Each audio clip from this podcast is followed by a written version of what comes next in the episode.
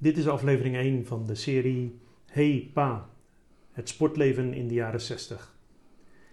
In 1963 was hij topscorer van de eerste divisie met 27 goals. Speelde in totaal 16 jaar betaald voetbal. Kwam uit voor Fortuna Vlaardingen, Sparta en Willem II en speelde de Europa Cup met Sparta. Zat in de voorselectie van het Nederlands elftal en versloeg met Fortuna Vlaardingen Feyenoord in de Kuip met 3-2 in de kwartfinale van de KNVB-beker en scoorde in deze wedstrijd twee keer. Hij was tevens man of the match in een gewonnen wedstrijd met Sparta tegen Ajax, met Ajax met een kruif in het elftal. Hij werd in 67 derde met Sparta in de Eredivisie. Maar hij is bovenal mijn vader. Jan Bouwman. Hey pa, Hallo. hoe, is het eigenlijk, eh, hoe ben je eigenlijk ooit in contact gekomen met Sparta? Ja, hoe, hoe gaat het in het voetballen? Daar weet je zelf dus eigenlijk niks van. Eh, gebeurt natuurlijk genoeg dan. Dat is, is me ook later te horen gekomen. De- ik, ik, ik speel, wij, wij speelden dus tegen Feyenoord eh, een hele mooie wedstrijd. En dat zijn dan wedstrijden, die wonnen wij met 3-2. En daar scoorde ik toen twee keer. Ja, dan ga je opvallen. En eh, nou, waarschijnlijk vanaf die kant is het ook begonnen. Ik heb ook later dus de, de, rapporten gezien die ze gemaakt hebben van me. Om, ja, dus er was interesse van Sparta. Nou, dat eh vond ik natuurlijk wel leuk. Eh, Hoe kwamen die rapporten, hoe kwam je in het rapport naar voren? nou, als eh, ja, links- en rechtsbenig, vrij snel, handig. Koppen wat minder. Ik, ik was niet zo'n kopspecialist, daar hadden we andere mensen voor. En, maar ze waren over het algemeen heel positief. Ja, en toen ging ik naar Sparta toe. Op een gegeven ogenblik had ik een gesprek met Sparta. Maar het ging niet zoals nu met een, met een manager of met, met, met van tevoren. Daar ging ik eh, op de brommen naar Rotterdam. Naar- Voor het gesprek met Sparta? voor een gesprek met Sparta. Ja. En wist, je, wist je overigens van, van dat ze op de tribune zaten toen met die wedstrijd? Was je vooraf geïnformeerd Nee, over? nee, nee, nee, nee. Ik, eh, dat wist ik niet. eh, Maar het was ja, wel de verwachting achteraf natuurlijk. Heb ik het ook gehoord dat het. Maar er waren dus wel wat meer clubs ook toen wel geïnteresseerd. En eh, het mooie is, of nou eigenlijk het mooie is, ik, ik, had, ik had bij Sparta getekend en toen een, eh, een dag later had ik, had ik eh, begrepen dat ja, Feyenoord had ook wel interesse. Oké. Maar toen had ik dus net, ik weet niet wat, wat, wat beter is geweest, maar eh, dat was toch wel leuk. Eh, maar ik was blij met Sparta. Ja. Nou, eh, vertel je, eh, je ging op de Brommer Ja. je gesprek aan bij Sparta. Ja.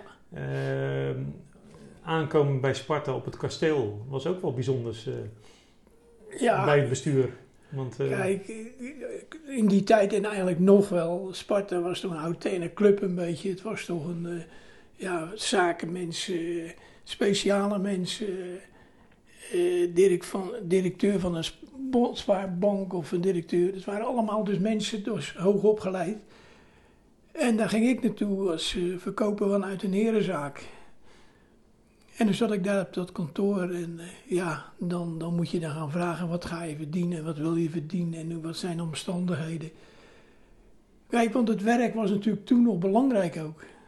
Nu, als je nu bij Sparta speelt, speel je bij Sparta, klaar. Maar toen ik bij Sparta speelde, hadden we ook nog, had ik ook gewoon mijn werk nog. Het werd natuurlijk wel ingekort. Ik trainde wel tot drie uur bijvoorbeeld 's middags. En, en je kon wat makkelijker vrij als je moest voetballen. Maar ik, mijn baan ging, ik kon niet buiten mijn baan.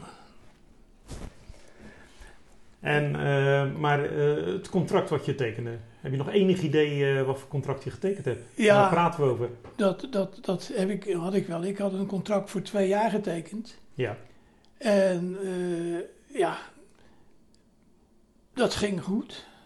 En toen werd het ja, na twee jaar verlengd. Maar toen, ja, toen is het. Het was voor mij toch moeilijk hoor. Eh, We hadden natuurlijk wel op een gegeven moment een aantal jongens die alleen maar voetbalden bij Sparta. En er waren maar een paar die dus ook nog moesten werken, eh, normaal. Dat ging me toch een beetje opbreken, denk ik. En toen we- werd er nog één jaar verlengd en daarna werd het niet verlengd. En, Nee. nee. Nou je ja, werd, maar je werd eh, gecontracteerd. de club moest wat voor je betalen aan, Ja. aan je vorige vereniging, dat Ja. was eh, Fortuna Vlaardingen. Ik ik eh, begreep 50.000 gulden. Guldens, ja. Dat was in die tijd eh, natuurlijk een bijzonder bedrag. eh. Ja, ik, ik, ik, weet wel dat Pieter Schraveland toen de tijd de, de keeper van het Nederlands elftal en van, van Feyenoord, die ging voor 130 gulden en 130.000 gulden naar Feyenoord. Hm. Dat was dus, ja, dat was toen de en dat topper. was de grootste transfer. dat was de grootste transfer in die tijd. Ja. Dat, ja, dat ongelooflijk. Ja. Ehm, als we dan verder kijken naar, ehm, ja, je, hebt een contract getekend bij Sparta voor twee jaar in eerste instantie. Later is dat nog met een jaar verlengd. Eh, maar ehm, ja, je, je kende die spelers denk ik nog niet. Alleen misschien van naam. Maar had je al eerder kennis met ze gemaakt? Of, Nee, of wat nee, dan ook? nee, eh. Met de trainer? Nee, trainer helemaal niet. was Thompson. Hè. Die, die, dat was die Engelsman. Die was net gekomen ook. Dus daar had ik helemaal niet eh, mee gesproken. En ook, ja, mijn, ik was toen... Ik, mijn Engels was ook niet zo geweldig. Want dat was een Engelsman. Ja. Dus dat was ook nou niet het allerbeste. Maar de spelers, nee. Dat, dat, ik, ik kon de namen wel. Omdat Mhm. eh, bijvoorbeeld eh Eikenbroek en Kempen... die kwamen van Hermes DVS uit Schiedam. Dus die naam... Maar persoonlijk... Mhm. Ik, ik had meer eh, persoonlijke kennis aan Pieter Romein bijvoorbeeld van, van, van Feyenoord. Om, waarom? Dat is juist het leuke. Ik spreek hem nog wel eens. Dan zeg ik, joh Piet, Fortuna C1, SVV C1. Fortuna B1, SVV B1. Fortuna A1, SVV A1. En nou Sparta Feyenoord. Dus waren we steeds tegenstanders van elkaar. Dat is heel bijzonder. Dat, dat, eh, Ja, maar dat, eh, inderdaad, dat, dat kennismaken met, met, die, met die gasten, eh, keek je daar tegenop? Of Ja, nou, was ik- dat bijzonder voor je? Ja, toch wel. eh. Kijk, Vlaardingen, we praten nu over. Wanneer ging ik? naar- naar- 64. Ja, ging ik naar Sparta. Dus een heel poosje geleden. Vlaardingen was natuurlijk wel een behoorlijke stad, maar het was geen Rotterdam. En dan krijg je toch daar, dan kom je met spelers. Kom je naar, die spelers, eh, nou, een aantal daarvan zaten ook bij het Nederlands elftal. Dus ik keek daar wel wat tegenop.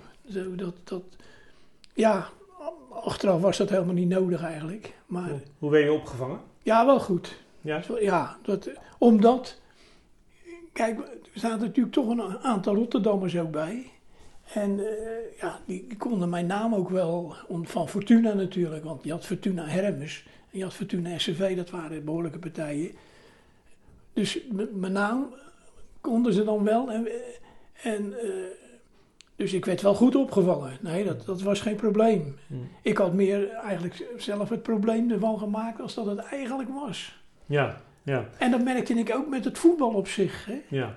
ja. Ehm, wat, wat ik me dan ook voorstel, jaren 60. eh, tegenwoordig eh, ga je denk ik als speler naar een eh, eerste training toe. En dan ligt er van alles klaar aan materialen. Eh, het beste van het beste. eh, allemaal mensen eromheen die alles Ja. regelen. Ja. Eh, ik kan me zo voorstellen dat, dat de eerste training bij Sparta dat dat er heel anders uitzag. Ja, dat, dat, dat was toen natuurlijk al. Ja, daar zag je ook nog wel dingen achteraf. Hm. Ook bij andere clubs al beter was. Maar ja, als ik de tijd bij Fortuna neem natuurlijk, dan, dan was dat, dat was niet te vergelijken. Met alles. hè. En bij Sparta? Nou, en bij Sparta is, is ook een mooi verhaal. Wij, wij hadden dus een kleedkamer. En we hadden geen, geen bad. Geen, geen, ja, we hadden één bad. En eh, ja, daar moest je dan met z'n allen in kruipen als je daar interesse voor had. Maar dat, dat lukte niet. Alleen wij hadden Jan van Beveren en Willy van Beveren. Die speelden bij ons. En die woonden dus die- in de kost bij, in Rotterdam. En die gingen dan altijd, die bleven over samen. Die gingen in het bad zitten. Maar dat was dan, als die dan uitkwamen, was dat bad gewoon zwart. dat was eigenlijk het enige, enige. Maar voor de rest was het, ja, als je- hadden een douche en eh, was het ook nog niet zo als, als, als dat het nu is. Er hingen ook geen handdoeken klaar of er hing ook niet. eh, je moest daar zelf voor zorgen. Dat, eh, En je sportkleding? ja, sportkleding, dat was, eh, dat was wel goed. Eh, Dat was geregeld. ja, dat was wel geregeld. Je had, eh, alles had je, trainingspak, trainingjack. Schoeisel. Ja, dat, dat werd wel geregeld. Daar kon je dan... Ja. eh, Want hadden, die, hadden jullie als spelers ook contracten om met, eh, met, eh, met de Adidas? Of, eh, Ja, er waren hadden jongens, jullie dat zelf, er waren of, jongens die hadden... Maar ja, dat waren, wat ik zeg, bij, bij, er liepen drie, vier jongens die bij, bij het Nederlands elftal zaten.